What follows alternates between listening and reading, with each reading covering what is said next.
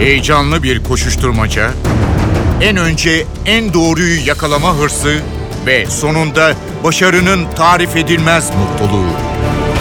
Manşetlerin perde arkası, habercilerin bilinmeyen öyküleri muhabirden de. Muhabirden şimdi başlıyor.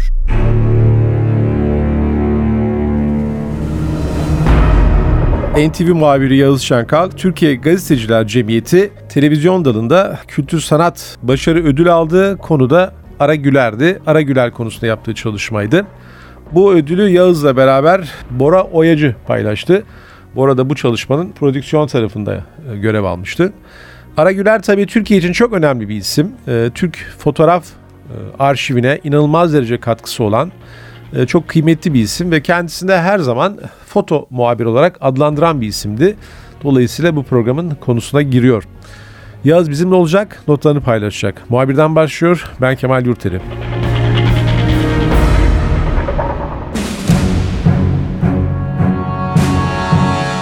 Yağız NTV için hazırladığın önemli bir belgeselli çalışmayla Gazeteciler Cemiyeti'nden de ödül aldın. Konu Ara Güler. Ara Güler aslında gazetecilerin bir anlamda piriydi. Çünkü kendisini her zaman e, foto muhabir olarak adlandırır. Her ne kadar sanat ağırlıklı fotoğraflar çekse, bilinse de e, geçmişte foto muhabir olarak çalışan, haber fotoğrafçılığı da yapan, e, daha doğrusu fotoğrafın her alanında çalışan birisiydi.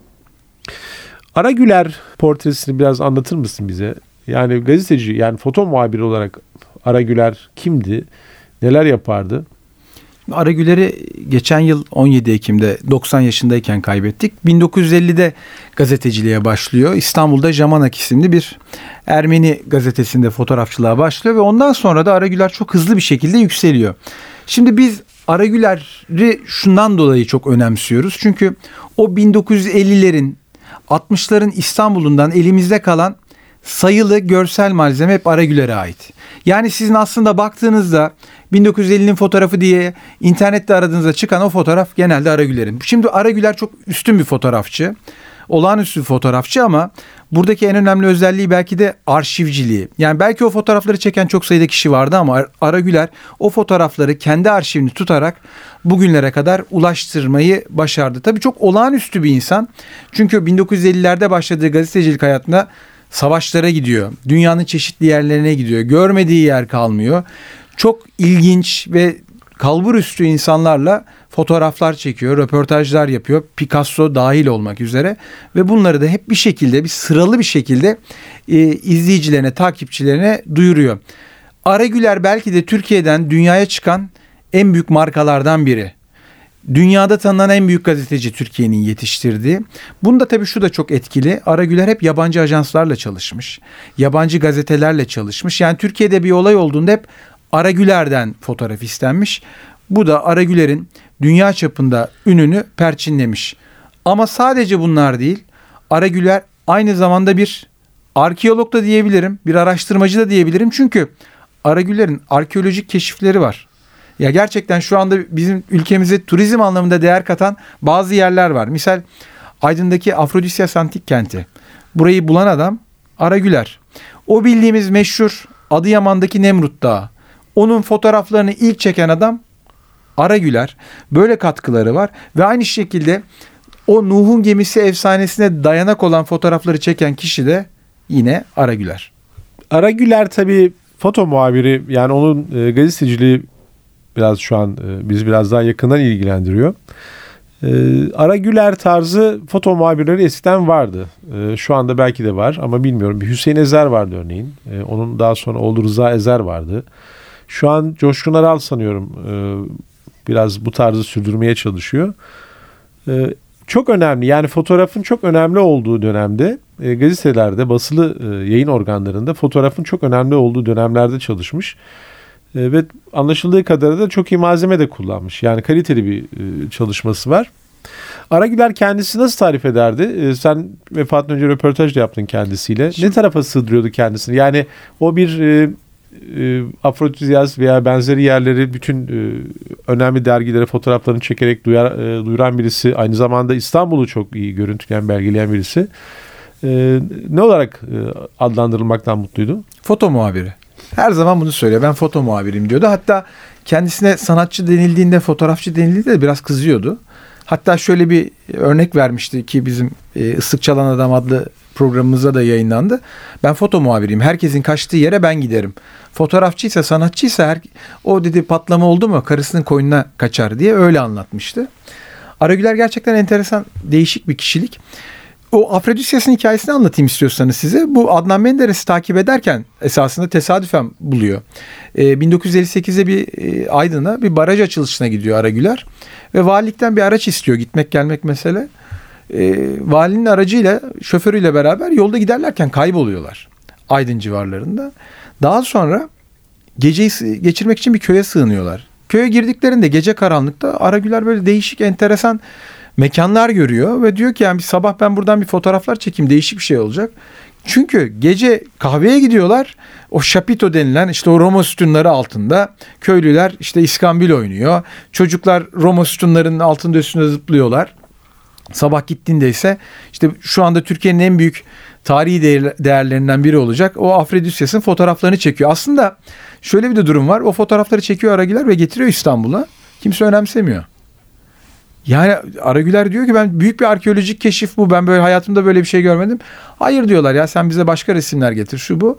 Bunun üzerine Aragüler bunu Amerika'daki ünlü bir arkeoloji dergisine gönderiyor. Ve orada yayınlandıktan sonra olay patlıyor. Olay büyüyor. Aragüler hem bir sanatçı ki kendisi sevmese de bu tabiri, herkes onun için bu tabiri kullanıyor. Belki de yaşamış en büyük gazetecilerden biri. Ama kend, hep bir şekilde keşfetme arzusunu ön plana çıkarmış ve dünyaya mal olmuş bir insan. İnanılmaz bir enerjisi de var değil mi Yağız? Çünkü e, hakkında yapılan e, sağlığındaki bir takım e, fotoğrafçıların e, fotoğrafçı yönüyle e, onunla yapılan e, röportajlarda veya çekimlerde hala İstanbul'u geziyordu. E, belki İstanbul dışına da çıkıyordu. Bir arabaya biniyordu, bir yerlere gidiyordu, geliyordu filan. Yani sürekli fotoğraf çeken e, yorulmayan da bir yapısı var galiba değil mi? Bunu nasıl e, anlatıyor? Yani bu bir merak mı yoksa artık hani kendisini e, mesleğine o kadar çok adamış artık duramıyor. Sürekli bir takım e, projeler üreten bir yapısı mı vardı? Artık herhalde eli ayağı olmuştu o fotoğraf makinesi diye düşünüyorum. Tabii 70 yıllık bir meslek hayatı var ama hayatının son dönemlerinde artık iyice güçten düşmüştü. E, tekerlekli sandalyeyle bir yerden bir yere gitmeye çalışıyordu. Ki şöyle bir durum da var ama 17 e, Ekim'de vefat etti ama e, biz 15 gün önce vefatından 15 gün önce kendisiyle röportaj yapmıştık. Yani akıl sağlığı yerinde gayet sorulara yanıt verebilen bir durum vardı 15 gün öncesine kadar. O son günlerde iyice kötüleşti. Şimdi ben şöyle bir anım var. Fotoğraf çekmek istedim tabii beraber onunla. Bir anı fotoğrafımız olsun ama o anlıyordu. Ya o, o açı değil, doğru açı değil. Yani hayır şunu şöyle çek. Her zaman ya yani biliyor e, biz fotoğrafı çekerken bile bak o fotoğrafta şunu yanlış yaptın diyordu bakmadan bile. Yani artık fotoğrafı e, tam tabiriyle eli kolu olmuş bir insanda o fotoğraf makinesi. Zaten hayatı boyunca da o fotoğraf makinalarıyla beraber yaşadı. Onun bu arşivciliği aslında bizim için bir şans. E, çünkü dediğim gibi geçmişte Türkiye'de haber alanında çok ciddi fotoğrafçılar var. Yani foto muhabirleri var. E, ben o dönemleri biraz hatırlıyorum. Bu foto muhabirlerinin bazılarıyla muhabirler de çalışamazdı. Yani çünkü çok hakikaten titiz, değişik e, yapıda son derece e, iyi bir fotoğraf çekme konusunda iddialı. Fotoğrafın haberin nasıl önüne geçtiğini ve nasıl habere büyük boyut kattığını çok iyi bilen e, genelde çalışması zor insanlardı. Yani şöyle bir şey var. Biraz aksi insanlardı. E, Ara Güler'i tam bilmiyorum tabii ben kişiliğini onunla hiç e, yüze karşılaşmadım. Hemen bir şey dediğinizde ilave edeyim. Ben röportaj sırasında dedim ki siz de Yaşar Kemal'le iyi arkadaşmışsınız. Yaşar Kemal'le birlikte çalışmışsınız. Sinirlendi. Ben dedi Yaşar Kemal'le birlikte çalışmadım dedi. O benle birlikte çalıştı dedi. O geldiğinde ben ona evimi açtım. Geldi benim evimde kaldı. Ben öğrettim ona her şeyi dedi. Yani evet, böyle, evet. böyle yani belki de dinleyenler bu geçmiş e, eski e, ekol olarak adlandırılacak foto muhabirlerini bilmeyebilirler. Ben biraz da böyle hatırlatmak istiyorum. Fakat başka bir orijinal bir şey daha var. E, işte sen Yaşar Kemal'i söyledin veya hakkında konuştuğumuz Ara Güler gibi. Ee, geçmişte bunlar gazetelerde, bu isimler gazetelerde çalışıyorlar aslında. Yani bir takım röportajlar yapıyorlar. Türkiye'yi gezen, e, çok farklı yerleri tanıtan, çok farklı haber gibi gözüken bir takım çalışmalar yapanlar var. Belki bilinmeyebilir. Orhan Pamuk da aslında e, bir dönem Cumhuriyet'te böyle röportajlar yaptı. Ama fotoğraf çekmedi. E, çünkü foto muhabiri başka birisiydi. E, şimdi Aragüler'in e, bize bıraktığı önemli bir şey var. İnanılmaz bir arşiv var. E, bu arşiv nasıl değerlendiriliyor? Çünkü bunu çok def- e, duyurmak lazım. E, çok kendine özgü bir foto muhabirinin çok özel bir arşivine ulaşmak mümkün. Şimdi Aragüler'in meslek hayatı boyunca çektiği 1 milyona yakın fotoğraf var. Sadece fotoğraf olarak bakmayın buna. Gittiği bütün haberleri belgelerinde saklamış. Yani baktığınızda çok da düzgün bir arşiv sistemi kurmuş kendi imkanlarıyla. Çok ciddi bir belge arşivinden bahsediyoruz. Fotoğrafla belge arşivinden. Doğuş grubu Aragüler'le bundan 3 yıl önce bir ortaklığa gitti. Bir anlaşmaya gitti. Yani Aragüler'in bu mirasının gelecek nesillere kalması için bir anlaşma imzalandı. Aragüler de tüm e, bu arşivini Aragüler Arşiv ve Araştırma Merkezi'ne verdi. Şu anda İstanbul Bomontiada'daki Aragüler Arşiv ve Araştırma Merkezi'nde ve Aragüler Müzesi'nde Aragüler'e ait ne varsa fotoğraf makineleri, fotoğrafları, gittiği haberlerde yazdığı haberler, e, notları bunların hepsi İlk önce bir arşiv sistemine, modern bir arşiv sistemine geçiriliyor. Ardından dijitale aktarılıyor ki internet kullanıcıları dünyanın her yerinden Aragüler'in çektiği her fotoğrafa, her belgeye ulaşabilsin. Ve daha sonra da bunlar sergileniyor. Aragüler Müzesi'nde ilk olarak bizim de bu programa adını verdiğimiz Islık Çalan Adam adlı bir sergi yapıldı. Şimdi de o sergi bitti. Afrodisyas isimli sergi var. Bu peyderpey belli zamanlar e, içinde Aragüler'in sergileri de devam edecek. Ancak Aragüler'in mirasının artık emin ellerde olduğunu ve gelecek nesillere kaldığını söyleyebiliriz. Islık çalan adam ismi nereden? Şöyle ıslık çalan adam Aragüler aslında iyi bir fotoğrafçı, iyi bir foto muhabiri ama kalemi de çok kuvvetli. Belki de yani bu kadar fotoğrafçılığı öne çıkmasaydı biz onu bir yazar olarak da tanıyabilirdik. Çok sayıda öykü yazıyor. O öykülerden birinde kendini anlatıyor esasında. Ben diyor geceleri elleri cebinde sokaklarda ıslık çalarak yürüyen adamım diye anlatıyor. Oradan isimle sergiye ıslık çalan adam adı verildi. Biz de ıslık çalan adamı sergiden duyup belgesele ıslık çalan adam adını vermiştik. Aragüler'in İstanbul'la e, ilişkisi nasıl yaz? Çünkü İstanbul'a ait birçok fotoğrafı e, sen de söyledin. Biz e, bazen onun altında ismi yazmasa bile aslında onun e, çektiği karelerden tanıyoruz. İstanbul'u bir anlamda belgelemiş. Çok titiz çalışmış. Belki şu an kamu kurumların bile işine yarayacak kadar çok teferruatlı fotoğrafları var. E, İstanbul'a özel bir ilgisi mi var? Yoksa İstanbul'da yaşadığı için e, bu kente biraz daha fazla mı ilgilenmiş? Aragüler'in bir lakabı var. İstanbul'un gözü. Ee, Aragüler İstanbul doğumlu. Hayatı İstanbul'da geçmiş. İstanbul aşığı özellikle Beyoğlu'nda zaten hayatı Galatasaray'da evi orada geçiyor. Ve Aragüler her boş kaldığında elinde fotoğraf makinesi hemen aşağıya Eminönü'ne iniyor. Sirkeci'ye iniyor. Oradan fotoğraflar çekiyor.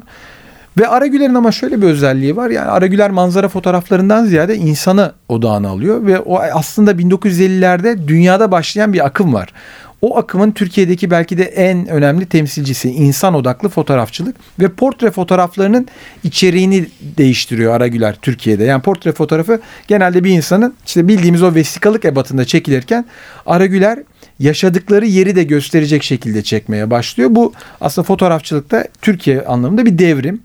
Ve Aragüler'in çektiği tüm fotoğraflarda insan odaklı öne alması. Mesela fo- hamal fotoğrafları çok meşhur Aragüler'in. E, baktığımızda o hamallar artık yok. E, Evet belki o mekanlar değişmiş olsa da bir şekilde duruyor ama o insanlar yok. E, bize o nostaljik havayı sunduğu için Aragüler'in fotoğrafları şu anda eşsiz durumda. Aragüler'in fotoğraflarında e, Anadolu insanını hep yorgun, ezilmiş, e, kederli görüyorum. Ben benim belki de benim bakış açım böyle. Çünkü İstanbul'daki örneğin işte sigara içerken böyle arkada bir inanılmaz bir İs- İstanbul e, silüeti yorgun e, hep böyle bir takım portreler var. Dışarıya çıktığı zaman da yani insanlar olduğu mekanlarda olduğu gibi göstermeyi seviyor. Şimdiki moda akımla beraber hani herkesin mutlu olduğu selfie tarzı fotoğrafları yok. Böyle bir fotoğraf eğilimi de yok. Herhalde o 1950'lerde İstanbul e, göç alıyor. Türkiye bir değişim içerisinde.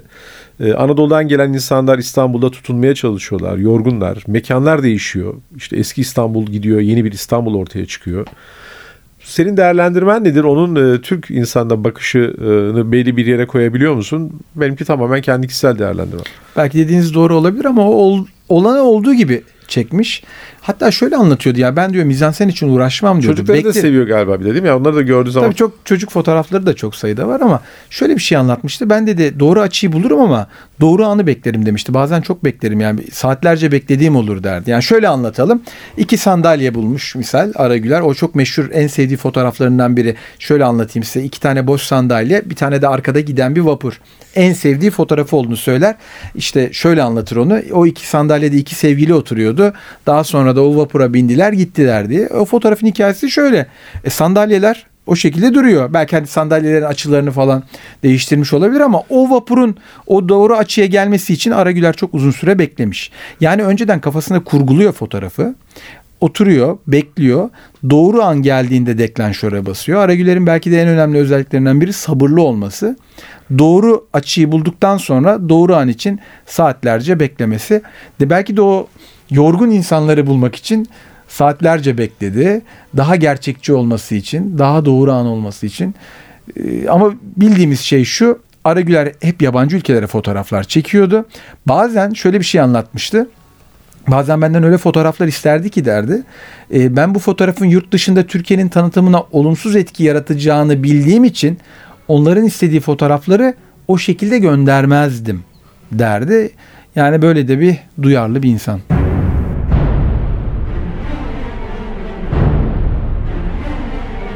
NTV muhabiri Yağız Şankal ve prodüktör Bora Oyacı NTV için hazırladıkları Ara Gürel belgeseliyle Türkiye Gazeteciler Cemiyeti tarafından ödüllendirildiler. Yağız bizimle olduğu notlarını paylaştı. Ben Kemal Yurteri, muhabirden de yeniden görüşmek üzere. Hoşçakalın. Haber için değil de haberin hikayesi için şimdi onlara kulak verme zamanı. Muhabirden NTV Radyo'da.